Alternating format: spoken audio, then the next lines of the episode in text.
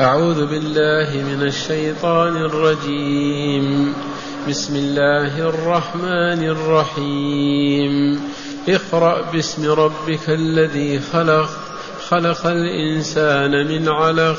اقرأ وربك الأكرم الذي علم بالقلم.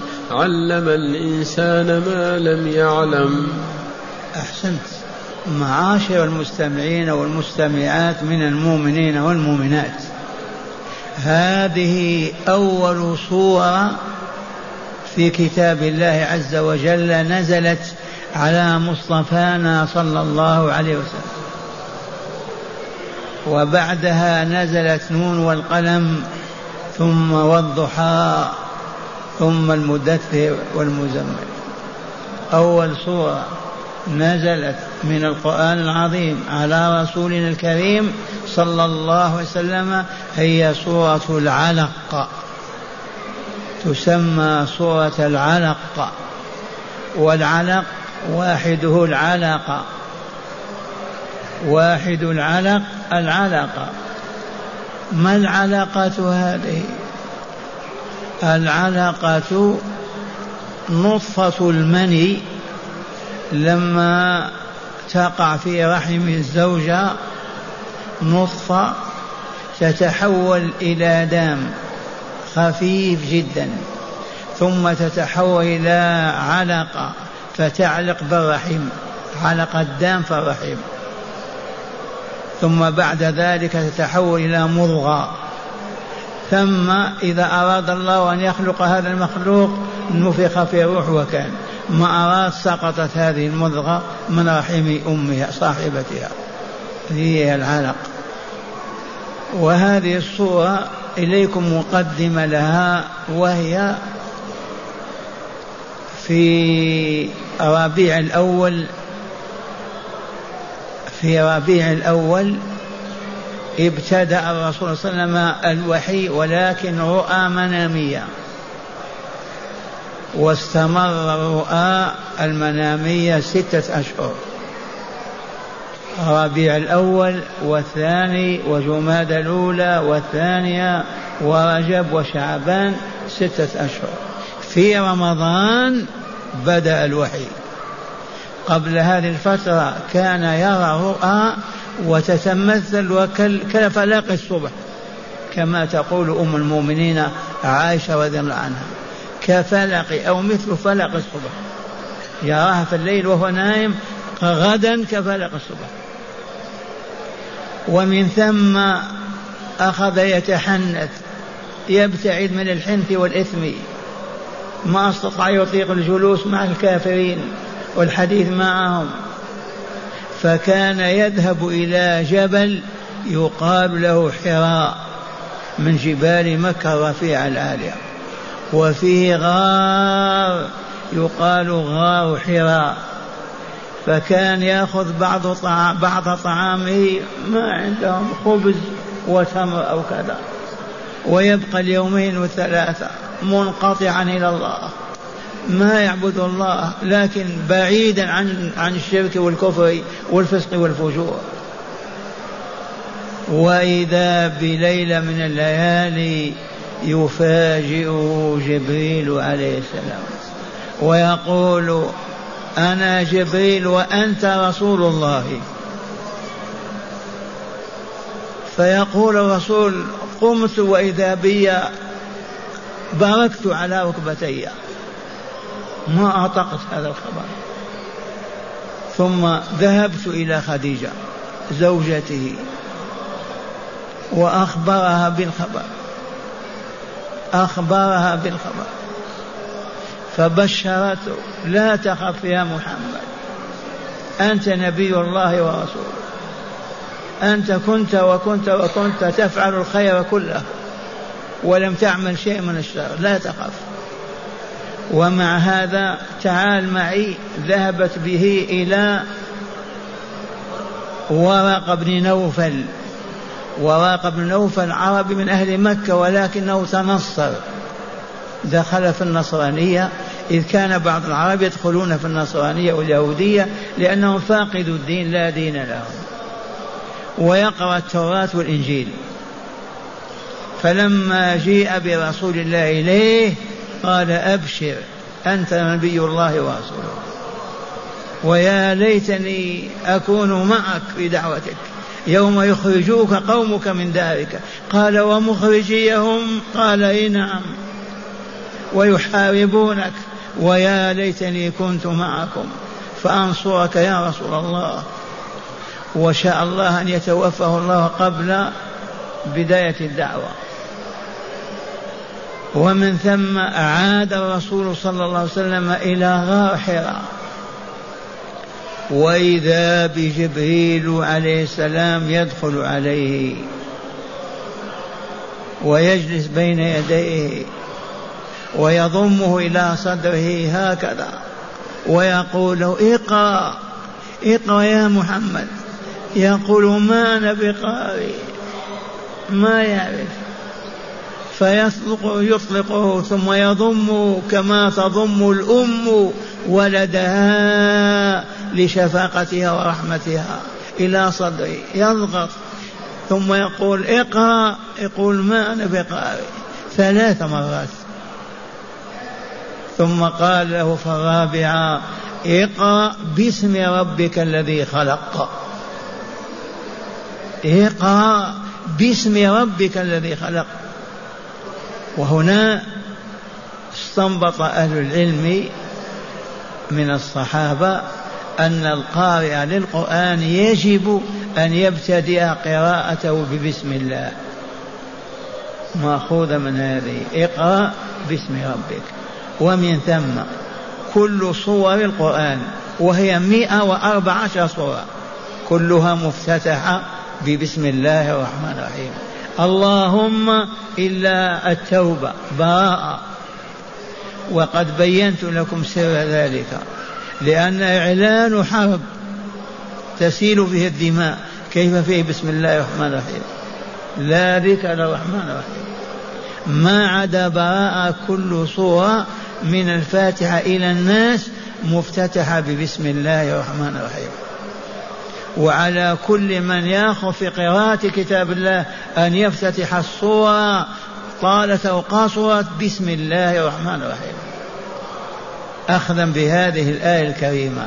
اقرأ باسم ربك الذي خلق ومعنى ربك خالقك ورازقك ومنبئك وقل ما شئت من الحاجة إليه وافتقار إليه. من ربنا الله عز وجل؟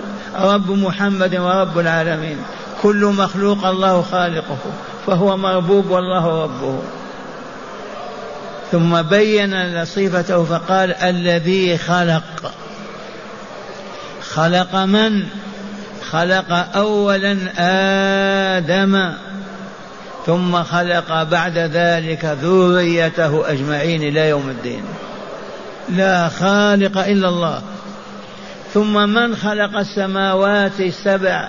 من خلق الأراضين السبع؟ من خلق الحيوانات؟ من خلق الموجودات؟ لا خالق لها إلا الله. فلهذا ارفع صوتك وقل لا إله إلا الله.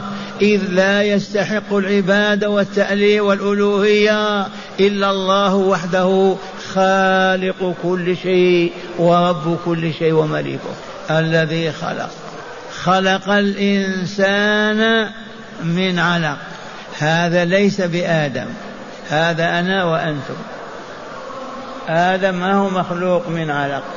خلقه تعالى بيديه ونفخ فيه من روحه وبلغت روحه صورته فأراد أن يقوم. ثم بعد ذلك خلق حواء من ضلعه الأيسر.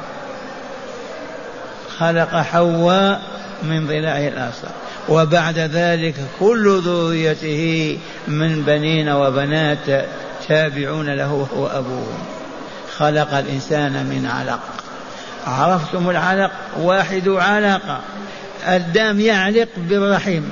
لما يتغلظ ويصير كالعلقة يتعلق بالرحيم. يقال فيه العلقة أول نطفة ثم علقة ثم مضغة قد ما يمضغها الإنسان. ثم إذا أراد الله أن يكون نفخ فيها الروح وكانت. وإلا فلا تسقط من المرأة. خلق الإنسان من علق. اقرأ وربك الأكرم. اقرأ وربك الأكرم هكذا الآية. اقرأ يا رسول الله اقرأ يا محمد صلى الله عليه وسلم. وربك الأكرم الذي علم بالقلم علم الإنسان ما لم يعلم. وربك الأكرم. هل هناك من هو أكرم من الله؟ والله لا أكرم من الله أبدا. وكل كريم الله الذي أكرمه. وكل لئيم الله الذي مسخه. الملك لله فيجب الفزع إليه والرجوع إليه والطلب منه. ما عدا الله من يعطينا أو يمنعنا من يحيينا أو يميتنا من من لا أحد ليس إلا الله. الأكرم ومضاي كرامته لرسول الله أنه حفظه ما زلت قدمه. ولا فعل إثما قط حتى بلغ الأربعين سنة ونبه وأرسله. أكرمه. ثم أية كرامة أكثر من هذه أن يجتبيه من كل البشرية ويختاره ويصطفيه وينبئه ويرسله رسولا. وهو أمي لا يقرأ ولا يكتب ذي مناسبة الأكرم هنا. الذي علم بالقلم علم الإنسان ما لم يعلم علم بالقلم. وهذه تقول لنا اعترفوا بفضيلة القلم وأنه من الضروريات من الواجبات. البشرية كلها في عصورها في دورها محتاجة إلى الكتابة والقراءة والقلم. وإلا ما تصل إلى أي مستوى من مستويات الكمال. لا بد من القلم. القلم معروف. وأول قلم خلقه الله قبل أن يخلق كل شيء فخلق القلم وقال يا قلم اكتب قال ما أكتب قال اكتب كل ما هو كائن إلى يوم القيامة. وهو مكتوب والله في كتاب في اللوح المحفوظ. على العرش. هذا أول قلم. علم بالقلم علم الإنسان ما لم يعلم. أول من علمه من هو؟ آدم. عليه السلام علمه اللغات كلها. أتم بالعربية كذا وبالهندية كذا وباليابانية كذا وهكذا سائر اللغات. واقرأوا قول الله تعالى وعلم آدم الأسماء كلها ثم عرضهم على الملائكة اسمعوا. فعجزوا وعرفوا. ولا عجب. علموا الأسماء كلها. الكبير والصغير والأبيض والأسود والطين والصواب والنخل والشجر والحبوب والثمار كل ذلك. أسماء علمه إياها. بإيحائها إليه فأصبح يتكلم بها ويعرفها. واندهشت الملائكة. آمنا بالله. علم الأسماء علم آدم الأسماء كلها ثم عرضهم على الملائكة. فقال أنبئوني بأسماء هؤلاء إن كنتم صادقين. قالوا سبحانك لا علم لنا إلا ما علمتنا إنك أنت العليم الحكيم قال يا آدم أنبئهم بأسمائهم. هذا هو الله. هذا هو الرحمن الرحيم. هذا هو ذو الجلال والإكرام. هذا هو رب العالمين. هذا هو إله الأولين والآخرين. قولوا آمنا بالله. آمنا بالله. آمنا بالله ونطلب رضاه. آمنا بالله ونطلب رضاه. ثم علم بني آدم بعد ذلك ما شاء الله. من علمنا أليس هو بلى؟ علم الإنسان ما لم يعلم من أشياء ما يعرفها. عرفناه والحمد لله على هذا. فضيلة القلم ما ننساها وعلينا أن نتعلم بالقلم اللهم إلا بناتنا وأخواتنا كأمهاتنا وجداتنا فلا قلم. لا ينفع المرأة القلم أبدا بل يهبط بها ويحطمها. واسمعوا قول الرسول الكريم صلى الله عليه وسلم يقول ماذا يقول الحبيب صلى الله عليه وسلم اسمعوا. يقول الحبيب صلى الله عليه وسلم لا تسكن النساء الغرف يا مؤمنات اسمعنا. أيتها المستمعات لا تسكنوا النساء الغرف ولا تعلموهن الكتابه من القائل؟ الرسول الكريم لا تسكنوهن الغرف فيتطلعن إلى الرجال. أسكنوهن في الأسفل. ولا تعلموهن الكتابة. لم تتعلم المرأة الكتابة؟ ماذا تريد بها؟ تتعلم كيف تصوم وتصلي؟ لا تحتاج إلى الكتابة. هل الرسول كان يكتب ويقرأ؟ والله ما يكتب ولا يقرأ. والمؤمنات لا يكتبن ولا يقرأن ويتلقين العلم والمعرفة من الآباء والأزواج والأبناء فيعبدن الله بما شرع.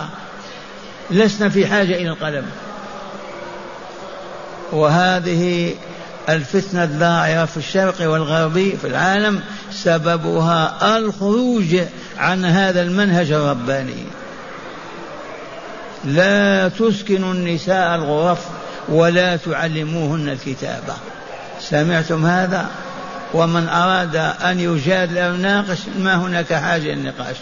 أقول المؤمنة في بيتها تعبد ربها وتربي أولادها إن كان لها أولاد وتخدم زوجها الذي يخدمها طول النهار ليعد طعامه وشرابه وكساها. ذي مهمته حتى تلقى ربها. كما خلق الله الملائكة يعبدونه ليل نهارا. فالمؤمنات خلقن لعبادة الله. لا تخرج للشارع ولا للسوق ولا تفتح دكان تجارة ولا تصنع ولا ولا. مهمته أعظم مهمة وهي أن تخدم ذلك الزوج وتعد له طعامه وشرابه وفراشه وتربي أولاده. وقبل ذلك أن تعبد خالقها العبادة التي من أجلها خلقها. فأين وقت الذي تتعلم فيه القراءة والكتابة وتخرج الأسواق؟ لا وقت لها أبدا. وقد هبطت البشرية لما تعلمت البنت والمرأة. واليهود والله هم السبب في ذلك. هذه مكرتهم وخديعتهم. ما ذكرت لكم غير ما مر وأنا طفل كهذا الطفل يأتي الحاكم في البلاد الفرنسي ومعه زوجته وعليها خمار على وجهها. كنسائنا في المدينة. من نزع هذا؟ والله اليهود. مسخوا البشرية مسخ والعياذ بالله. عرفوا هذا الذي قلناه. قالوا كيف نمسخ البشرية حتى نسودها ونحكمها ونتسلط عليها؟ نبعدها عن دين الله. ففعلوا هذا في المسيحية وفي اليهودية وفي الإسلام. والآن مع هداية الآيات. من هداية الآيات أولا تقرير الوحي الإلهي وإثبات النبوة المحمدية. من هداية هذه الآيات المباركة. تقرير الوحي المحمدي ونبوة رسول الله صلى الله عليه وسلم. اقرأ باسم ربك. الآية قررت الوحي المح... الإلهي للنبي صلى الله عليه وسلم. وأن الرسول نبي الله. نعم. صلى الله عليه وسلم. ثانيا نعم. وأخيرا مشروعية ابتداء ثانيا. ثانيا مشروعية ابتداء القراءة بذكر اسم الله ولذا فتحت سورة القرآن مع من هداية الآيات مشروعية البسملة عند قراءة القرآن. وما من سورة إلا وكتب معها بسم الله الرحمن الرحيم إلا سورة التوبة. من هداية الآيات مشروعية قولك بسم الله الرحمن الرحيم عندما تقرأ السورة. ثالثا بيان تطور النطفة من في الرحم إلى علقة ومنها يتخلق الإنسان. من هداية الآيات بيان تطور خلق الإنسان. نطفة علقة مضغة ثم تنفق فيها الروح ويكون إنسانا ذكرا أو أنثى. نعم. رابعا إعظام شأن الله تعالى وعظم كرمه فلا أحد يعادله في الكرم. أي نعم من هداية الآيات إعظام شأن الله تعالى إنه الأكرم إنه الأكرم وربك الأكرم الذي علم بالقلم. عظم شأن الله عز وجل فلا يساويه مخلوق من مخلوقاته لا ملك ولا غيره من الناس ولا من الجن. نعم. خامسا التنويه بشأن الكتابة والخط بالقلم من هداية الآيات التنويه بشأن الكتابة وخاصة بالقلم. فقد علمتم ما تقدمت البشرية إلا بالكتابة والقراءة وها أنتم بينهم كذلك. والآية تدعو إلى هذا. نعم. سادسا وأخيرا بيان فضل الله تعالى على الإنسان في تعليمه ما لم يكن يعلم بواسطة الكتاب والخط. من هداية من هداية الآيات بيان هداية الله ورحمته بعباده. إذ علمهم ما لم يكونوا يعلمون. يولد المولود ويكبر ما يعرف شيئا أبدا. من يعلمه؟ الله عز وجل. نكتفي بهذا القدر والآن مع الأسئلة والإجابة عنها. اقرأ الآيات نعم. أعوذ بالله من الشيطان الرجيم. بسم الله الرحمن الرحيم. اقرأ باسم ربك الذي خلق خلق الإنسان من علق. اقرأ وربك الأكرم الذي علم بالقلم. علم الإنسان ما لم يعلم. أحسنت.